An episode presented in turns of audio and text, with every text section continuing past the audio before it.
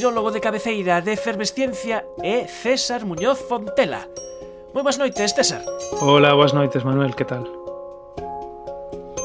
Like a virus needs a body as soft César Muñoz, eh, el é investigador no Instituto Bernard Notch de enfermidades tropicais e tamén actualmente está traballando para a Organización Mundial da Saúde no grupo Blueprint, que é un grupo que de acción global para a prevención de pandemias acelerando o I más D.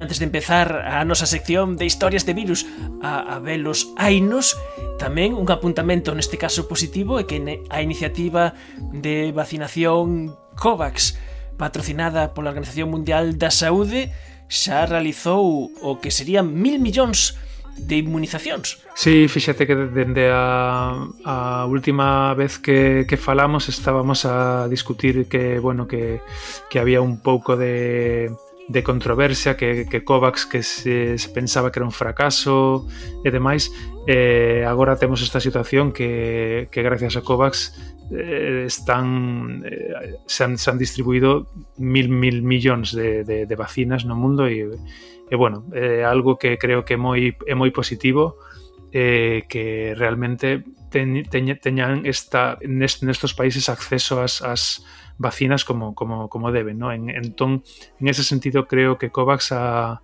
ha xogado un papel un papel importante, sí. Bueno, dicen mil millóns de inmunizacións, en este caso sería entonces mil millóns de, de, de doses, de pinchazos. De doses, de doses, sí, sí, sí. Vale, entonces reducimos a metade, entón, a esta inmunización. Sí, pero bueno, así.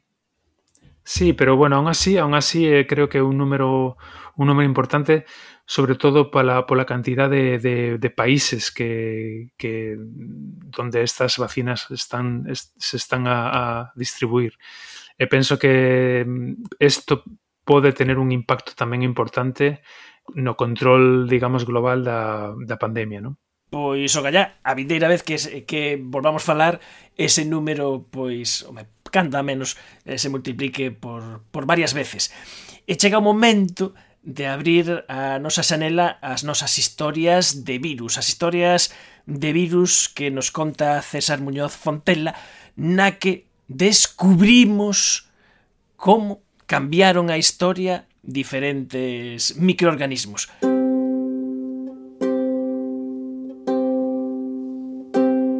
Eh, hoxe imos falar do virus que é o máis letal de todos, non? un virus que aínda hoxe en día mata a case o 100% das persoas que infecta en ausencia de, de, tra de tratamento.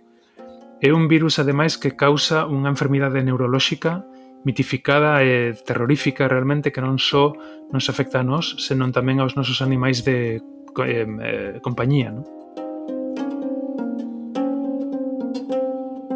Durante a guerra de Troia relatada na Ilíada Homero describe o momento no que Héctor é posuído polo deus Ares, deus da guerra, en quen se encarna e cuya furia animal e salvaxe os gregos chamaron Lisa, derivado de licos ou lobo. Esta furia animal tamén a adquire Aquiles noutros poemas da Ilíada. Nunha vasilla da antigua Grecia aínda se pode ver hoxe a imaxe de Acteón devorado polos seus cans, que se volveron tolos polo poder de Lisa, Son os primeiros documentos históricos que falan do lisavirus máis famoso e terrible, o virus da rabia.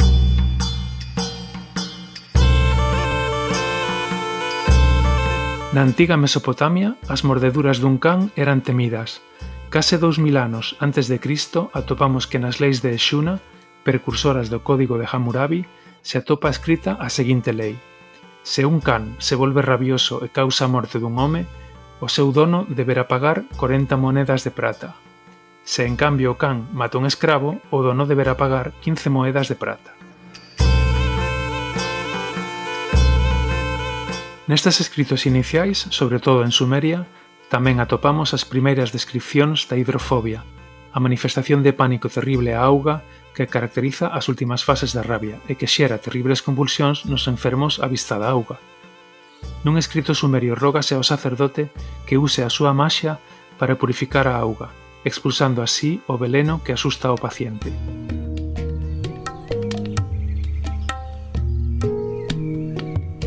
Máis tarde, un texto de da Ayurveda, a medicina tradicional hindú, indica que o paciente hidrofóbico está aflixido de Yala Trasa e irremediablemente condenado a morte, Estes textos de hai casi 3000 anos xa intuían que despois da aparición da hidrofobia pouco quedaba por facer polo paciente.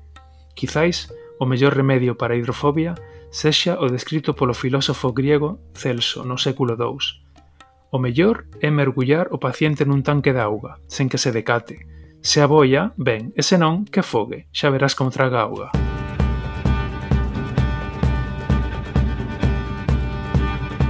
A rabia era tan temida na Idade Media que a San Huberto de Lieja, o patrón dos cazadores, se lle atribúe tamén o papel de santo protector contra a rabia. Era tal o poder que se lle confería a este santo que a clave de San Huberto se utilizou ata 1919 como un remedio tradicional contra a rabia. Consistía nun cravo de metal que se quentaba e se presionaba na zona onde a persoa fora mordido por un can rabioso – Tamén se utilizaba esta clave para marcar os cans como unha medida de protección contra a loucura.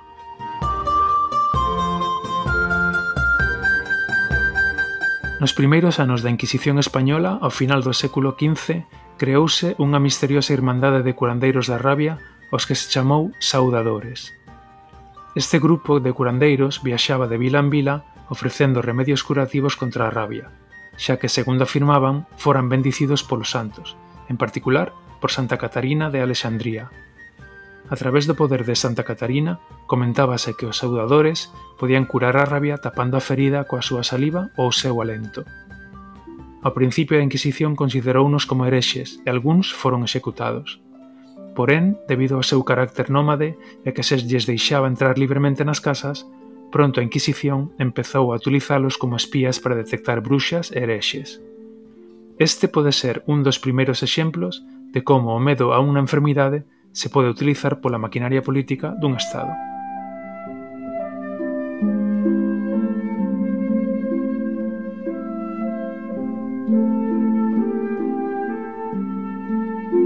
Coa chegada do Renacemento, a historia da rabia transfórmase en mito. O boca a boca e o espírito creativo da época transforman a enfermidade en lenda. É o nacemento do mito do home lobo. Ata os médicos da época se deixan influenciar polo sentimento popular. Un dos exemplos máis significativos atópase nun caso clínico redactado polo Dr. Richard Mead, un dos médicos máis reputados de Inglaterra da finais do século XVII, que di así. O mozo foi mordido por un can rabioso a mesma mañá do seu casamento. Aínda así, celebrou a súa boda bebendo e bailando todo o día. A noite, a lúa chea agrandou as súas faccións e otorgoulle saúde, Porén, a mañá seguinte atopóuselle no leito ouveando como un lobo e viron como devorara a súa esposa.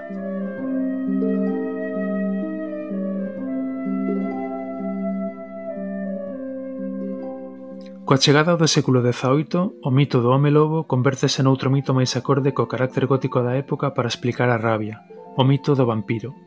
Con todo, non sería ata finais do século XIX cando o hóspede máis antigo coñecido da rabia se faría un lugar nas historias de vampiros. Trátase, por suposto, do morcego.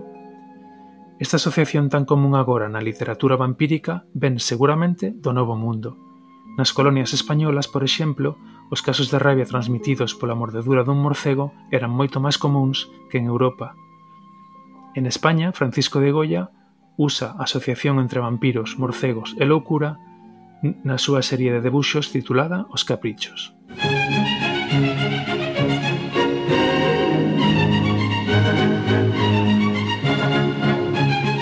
partir do século XIX entra nesta historia un personaxe que vai cambiar para sempre non só a historia da rabia, senón de todas as enfermidades infecciosas en xeral. O seu nome, Luis Pasteur. Pasteur tiña marcado na súa memoria un caso de rabia causado pola mordedura dun lobo que observara cando tiña nove anos. Decidira entón dedicar todo o seu esforzo a topar unha cura para esta terrible enfermidade.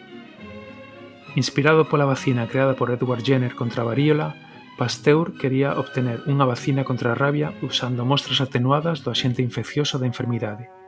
Non era unha tarefa fácil conseguir estas mostras. A única fonte naquel momento era a saliva de cans rabiosos. Contan os axudantes do mestre Pasteur que a estrategia era inmobilizar o can rabioso por medio de dous homes, mentres un terceiro obtiña a mostra de saliva.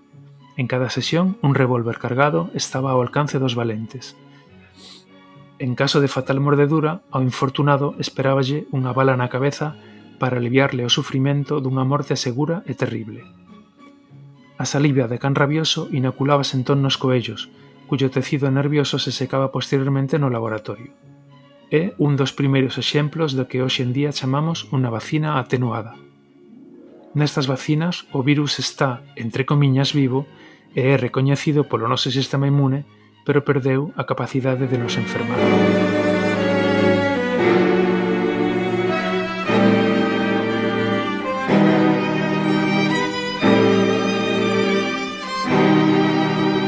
A señora Meister, non si? Vostede dirá. Verá, doutor. Sí. O meu Joseph trabou nun can. Trabou nun can, señor. Un, un can rabioso. Eu pensei Ben, dixéronme que quizáis vostede me podería axudar, señor. Eu, eu, eu quero o meu fillo. Quero o meu fillo, señor. Non quero que lle pase nada. Señora Meister, aseguro que axudala vostede e a Joseph é o meu maior desexo, pero ten que saber que a vacina aínda non se ten probado en humanos, non sei se... Sei seino, sei ben, señor, sei no, pero o meu Joseph só ten nove anos. Sen esa vacina non ten ningunha posibilidade de sobrevivir. Por favor, señor, por favor, salve o meu fillo, suplícollo. Non hai ningunha certeza eh, de que vaya a funcionar. Eh, é posible que a vacina só incremente o seu sufrimento. Eu non estou seguro eh, de que sexa unha boa idea. Doutor Pasteur, o meu fillo e máis eu levamos percorridos máis de 500 kilómetros para chegar ata aquí. Antes diso, Joseph soportou que lle cauterizasen as feridas. Vostede, vostede que non nos coitou berrar, doutor. E se hai algunha posibilidade, por pequena que sexa, estamos dispostos a probala. Joseph, es un bo rapaz. Señora, volva esta tarde ás 5. O primeiro ser humano ao que se lle administrou a vacina de Pasteur foi un neno de nove anos chamado Joseph Meister, inmediatamente despois de ser mordido por un can rabioso. En total, Meister recibiu 13 inoculacións de tecido de coello infectado de rabia en diferentes estadios de desecación e, por tanto, con diferentes grados de atenuación. A recuperación do cativo converteuse nunha noticia internacional de modo que moitos outros despois solicitaron os servizos de Pasteur en casos de rabia tanto en Europa como en Estados Unidos. 55 anos máis tarde, en 1940, Joseph Meister, como todos os días, viaxaba á porta do Instituto Pasteur. Traballaba de porteiro naquel templo da bioloxía fundado polo científico que lle salvara a vida. Pasteur morrera xa en 1895, pero Joseph xamais o esquecería visitaba todos os días a súa tumba, situada na cripta do propio instituto.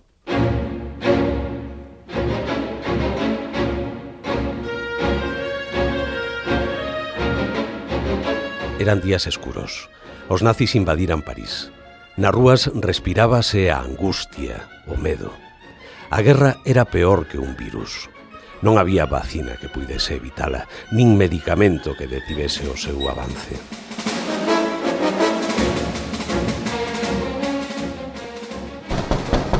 Un golpe na porta sobresaltou a Josef.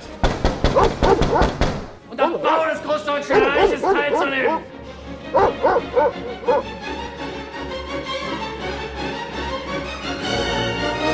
Abriu. Un grupo de soldados alemáns, co desprezo pintado na ollada, ordenáronlle co seu extraño acento cos deixase pasar. Josef negou coa cabeza, decidido. Eles insistiron, alzaron a voz, querían entrar na cripta. Meister negouse de novo. Pero eles forzaron a porta e entraron. Josef intentou defender a cripta, pero os seus 64 anos non estaba en condicións de loitar contra un grupo de soldados. Deixáronno deitado no chan sen grandes dificultades. Irónicamente, en 1940, Joseph Meister era o vigilante do Instituto Pasteur cando os soldados da Alemanha nazi entraron no edificio. Xa fose polo desalento causado pola invasión ou por non poder protexer a cripta onde se achaban as cinzas do seu salvador, Meister marchou á súa casa e suicidouse. Pasteur salvara o da rabia, pero nin el nin ninguén conseguira facer nada contra a peor das enfermidades humanas, a guerra.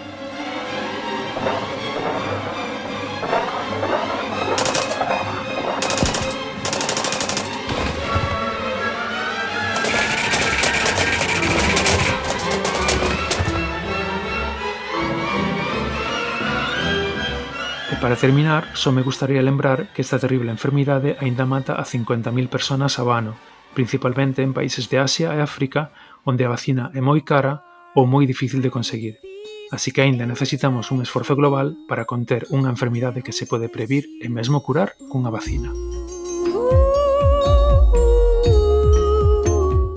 a importancia das vacinas na loita contra as enfermedades producidas polos virus, neste caso o virus mortal da rabia. César Muñoz Fontela, moitísimas grazas por esta nova historia de virus a velos ainos desde Hamburgo, desde Hamburgo para a efervesciencia. Moitísimas grazas. Gracias, na aperta. Efervesciencia. Patrocinado pola FECIT, Fundación Española para a Ciencia e a Tecnoloxía, Ministerio de Ciencia e Innovación, unha colaboración da Universidade de Santiago e a Radio Galega. Co apoio da Xencia Galega de Innovación da Xunta de Galicia. Ata o vindeiro mércores na Radio Galega. Adeus. Like a virus